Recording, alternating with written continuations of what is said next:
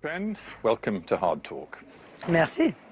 Let me ask you a very broad question. Do you see yourself and your political movement as part of a worldwide phenomenon? I'm thinking of Donald Trump in the United States. I'm thinking of the vote for Brexit in the United Kingdom. Do you think something is happening which the Front National, your party, is a part of? Oui, la réponse est oui, il se passe quelque chose. The Article 50 process is now underway, and in accordance with the wishes of the British people, the United Kingdom is leaving the European Union. Why do you think you've become so popular in the Netherlands? You know, the people are fed up with a politician ignoring the problem. This day forward, it's going to be only America first. America first. Every decision on trade, on taxes, on immigration, on foreign affairs will be made to benefit American workers and American But not coming here, and don't uh, forget, people are very angry about that. Je suis la candidate de la France du peuple Ja, der dro du sikkert kjensel på flere profilerte høyrepopulister. Og disse politikerne som seiler opp på en bølge av misnøye, får som regel stempelet høyrepopulist plassert midt i panna. Men er de egentlig like alle sammen? Hva er det som definerer en høyrepopulist? I dagens sending så skal vi undersøke dette, og så skal vi også kåre verdens beste høyrepopulist. Og med oss i studio for å hjelpe oss med denne kåring- kåringen, så har vi Nikolai Brandal, historiker og lektor i internasjonale studier ved Bjørknes høgskole. Og Sylo Taraku, statsviter og rådgiver i tankesmien Agenda. Velkommen til dere begge. Takk. Takk. Helt først så skal vi prøve å avklare hva som kjennetegner en høyrepopulist.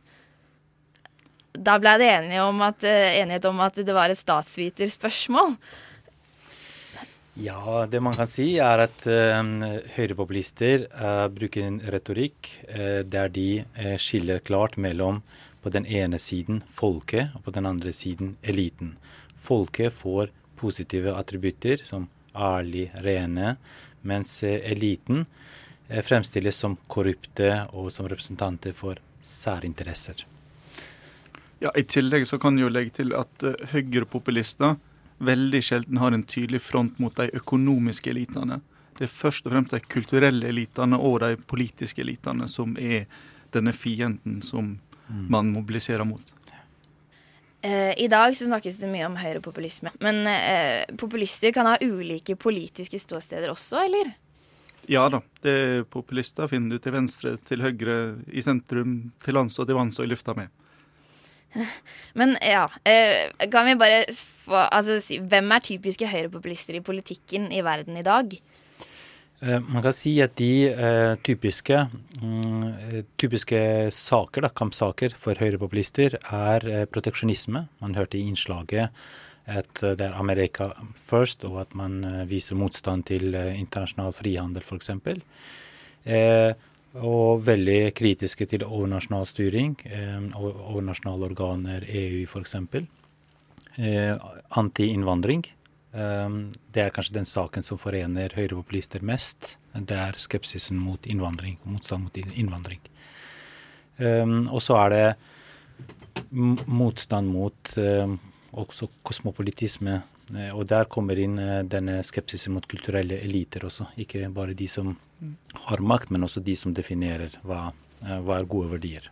Altså, Populister skal jo være representanter for et homogent folk, en homogen gruppe. Og det er klart, for, fra, fra høyresida så vil jo dette da være ei nasjonal gruppe, ei etnisk gruppe. Mens det på venstresida da er, er ei klasse, mest typisk. Eh, Men eh, Brandal, eh, høyrepopulisme det er vel ikke noe nytt fenomen i historien? Hvem har vært typiske høyrepopulister hvis man ser litt bakover i tid? Altså, det er vel lettere å, å komme inn og se på eh, vilkårene for at populisme oppstår eller blir et stort fenomen. Altså, All politikk har et islett av populisme. Altså, Politiske partier ønsker å mobilisere bak et program. Og, og de definerer hvem de vil mobilisere, og hvem de vil mobilisere imot. Um, Men når du da får populisme, brukt som en vitenskapelig analytisk begrep, som de fleste populister ser på som ned, nedsettende, så, så, oppstår det under visse vilkår.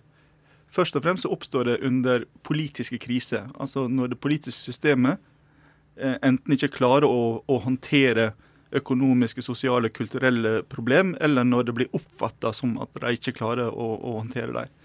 Den mest kjente er selvfølgelig eh, slutten av 20-tallet, mellomkrigstida. Der, som da endte opp med eh, store fascistparti, og at demokratiet gikk under i mange europeiske land. Sylo Taraki, du publiserte nylig et notat for eh, Tankesmien Agenda som handlet nettopp om eh, populismen i Europa og den situasjonen vi ser, og hva dette her kan være et uttrykk for. Ja, Det er et uttrykk for misnøye med de politiske elitene. Eh, og Brandal nevnte ordet krise, og det er jo også viktig å, um, for å forklare dagens uh, bølge med, med populisme. Eh, vi har hatt eh, økonomiske nedgangstider etter eh, finanskrisen med veldig smertefulle nedskjæringer som har gjort folk, mange mennesker sinte. Mange har mistet sine jobber, spesielt i, i Frankrike. Og så har vi fått migrasjonskrisen og stor misnøye med EU for å ikke ha klart å håndtere det på en god måte. Man har hatt en følelse av avmakt, og dette har blitt forsterket av terrorangrep også. Eh, så det er en følelse av kriser, og at man har en politisk elite som ikke tar tak og ikke forstår folket, og som ikke setter som ikke på en måte eh, adresserer de problemene som folk er veldig bekymret eh, over. Altså, Røttene til krisa nå finner du egentlig i slutten av den kalde krigen og sammenbruddet av en internasjonal orden som var skapt etter 1945, med institusjoner, økonomiske institusjoner som WTO og Verdensbanken og det såkalte Bretton Woods-systemet, og med politiske institusjoner som EU og FN osv. Som da etter den kalde krigens slutt ikke lenger klarte å fungere på samme måten. Det første svaret ble nasjonalismen på, på 90-tallet, som Sylo kan mye mer om enn en meg. Eh, og som endte opp med, med både folkemord og, og annet. Eh, men så ble den som Sylo sier, akselerert av finanskrisa. Ehm, men i dag så er det mange som snakker om at EU og nettopp sånne overnasjonale organisasjoner er det som kan holde oss sammen, da. For å forhindre en repetisjon av historien. Hva tenker dere om det? Ja, altså EU eh, e sliter med et uh, demokratisk underskudd. Uh, og dette er et problem som uh, bør adresseres. Så det, den følelsen mange mennesker har, at det er stor avstand mellom folket og de som bestemmer. Eh, og, men eh, EU har fortsatt stor legitimitet. Eh, for man må se både legitimiteten i forhold til hvem altså output, altså hvem som, uh, hvem som, representerer oss, men også hva de leverer. Når EU leverer, når ting går bra, så vil folk være fornøyde. Men uh, når når man føler at de ikke leverer, så vil også misnøyen øke.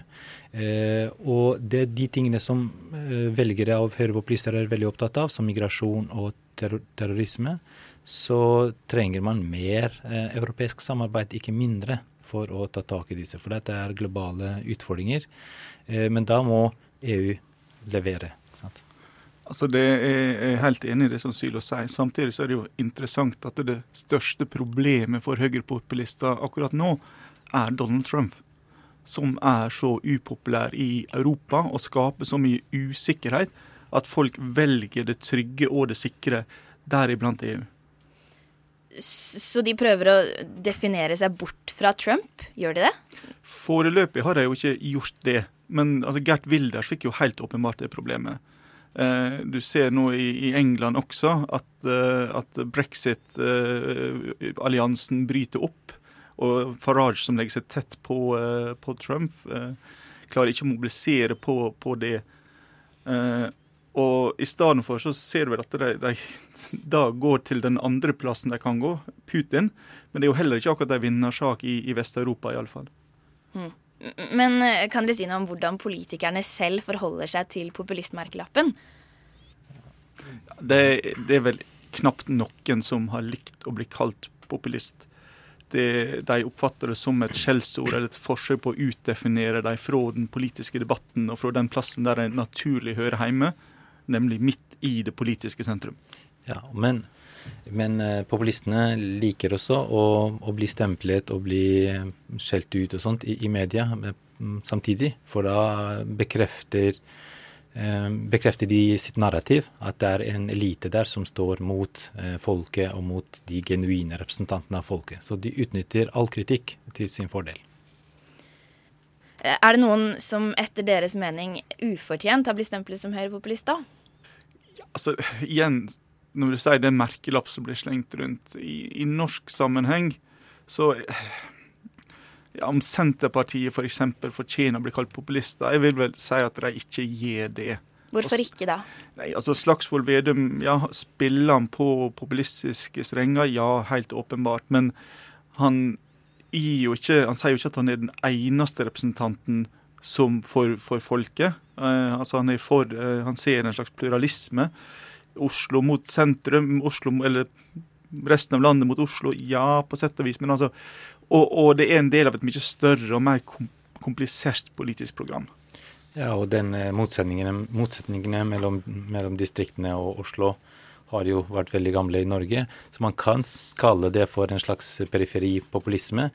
Men, eh, men han, ikke, han, har ikke en ekskluderende retorikk overfor minoriteter f.eks., og spiller ikke på offerrollen. og har ikke et konfliktfylt forhold til media bl.a., som kjennetegner høyrepopulister i dag. Mm. Men eh, nå står vi overfor et valg til høsten. Tror dere at populismebegrepet vil brukes mer i norsk eh, retorikk framover mot valget? Ja, det er tendenser til det. Um, F.eks. Senterpartiet får den merkelappen mot seg. Det liker de ikke. men, men Frp også blir kritisert for å være populister. Ja, altså Frp er jo et litt mer komplisert tilfelle. Eh, Carl I. Hagen begynte som populist, eh, men gikk i retning av å bli en vanlig politiker, for, leder for et vanlig politisk parti, som han overlot til Siv Jensen, som, som Vedum kan spille på populisme, men, men, absolutt ikke er en populist. Så er det litt mer uklart med eh, hva skal jeg si, utkantene i, i det partiet, med uh, Sylvi Listhaug f.eks., og, og, og, og den fløyen i partiet, som til tider kan framstå som ganske uforfalska populister. Men likevel så har vi jo ikke så mye populisme i Norge. Kan dere si noe om hvorfor vi ikke har det? Ja, det kan jeg prøve på. Vi har en politisk modell som inkluderer grupper i samfunnet. Det er ikke bare de politiske partiene som sitter og utformer politikk. Det er en del av en diskusjon der mange grupper er, inn, er tatt inn, får si meninga si, blitt hørt på. Og så eh, har man en lang diskusjon eh, der en til slutt ender opp med et kompromiss. Dette gjør at den prosessen blir veldig gjennomsiktig. Altså Alle vet eller har et slags eierskap til den.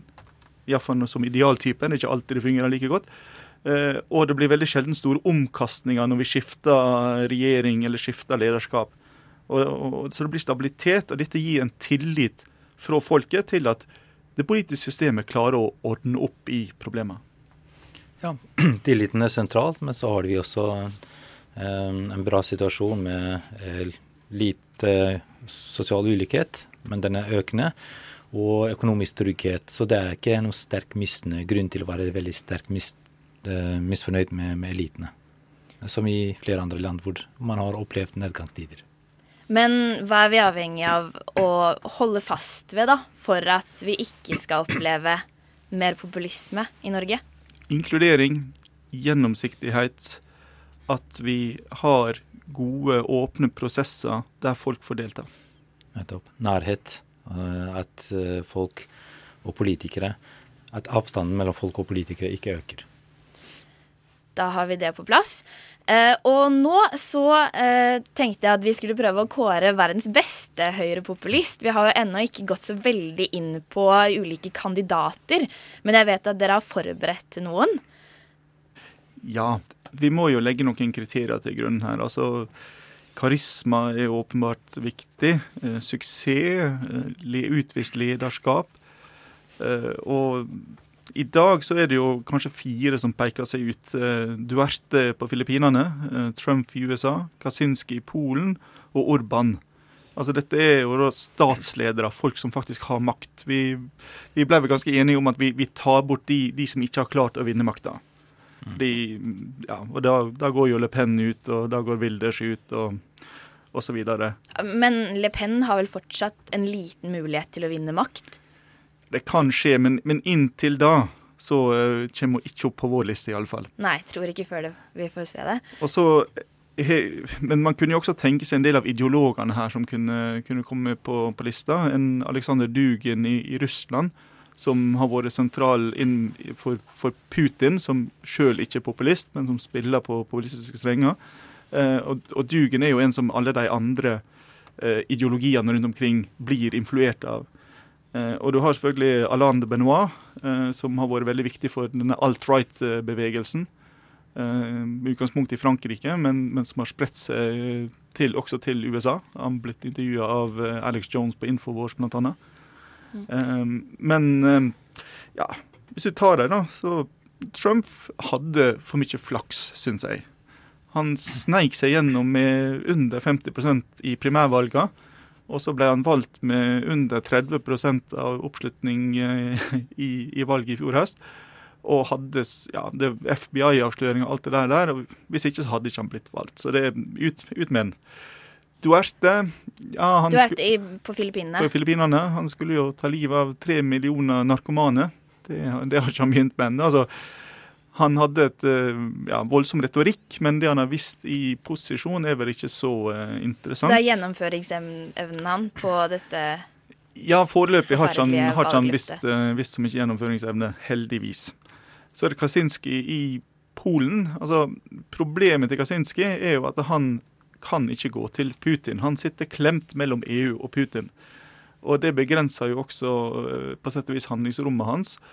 Og han har jo ikke Altså, han har begynt å gå løs på domstolene i Polen, men han har jo ikke kommet så langt at han eh, er garantert at han ikke vil bli kasta ved neste valg. Det er en fair sjanse for at han kan bli kasta. Så da er han ut. Så da skal Sylo få ta vinneren her. Mens eh, Orban har klart å bli gjenvalgt, har eh, økt I, i, i Ungarn. Ungarn har økt sin popularitet eh, og har vist gjennomføringsevne. Har sagt han skal bygge en myr, og det har han gjort rundt Ungarn. Han er eh, høyrepopulistenes eh, eneste representant i Det europeiske råd. Og han har klart faktisk eh, gjennom Visegrad-landene, den gruppen av fire tidligere østeuropeiske land, klart å påvirke migrasjonspolitikken til EU i sin retning. Så han er veldig populær blant høyrepopulister i dag. Og han har vært ekstremt flink til å spille nettopp på det å ligge i en mellomposisjon mellom Russland og EU og USA hvor han kan spille disse ut mot hverandre og skape seg sjøl et mye større rom. Ja, så her har vi en høyrepopulist som alle andre kan lære av og se, se, se opp mot. Helst ikke. Nei. Så Nei, vår, da... vår, vurdering er med hodet og ikke med hjertet. OK. ok. Da, da har vi en, en, vinner her. Yes. Viktor Urban fra Ungarn. Takk for at dere kom i studio. Huff a. Det var fæl kåring. Eh, Sylo Taraku fra Tankesmien Agenda og Nikolai Brandal fra Takk til deg òg. Ja. Tusen takk. takk.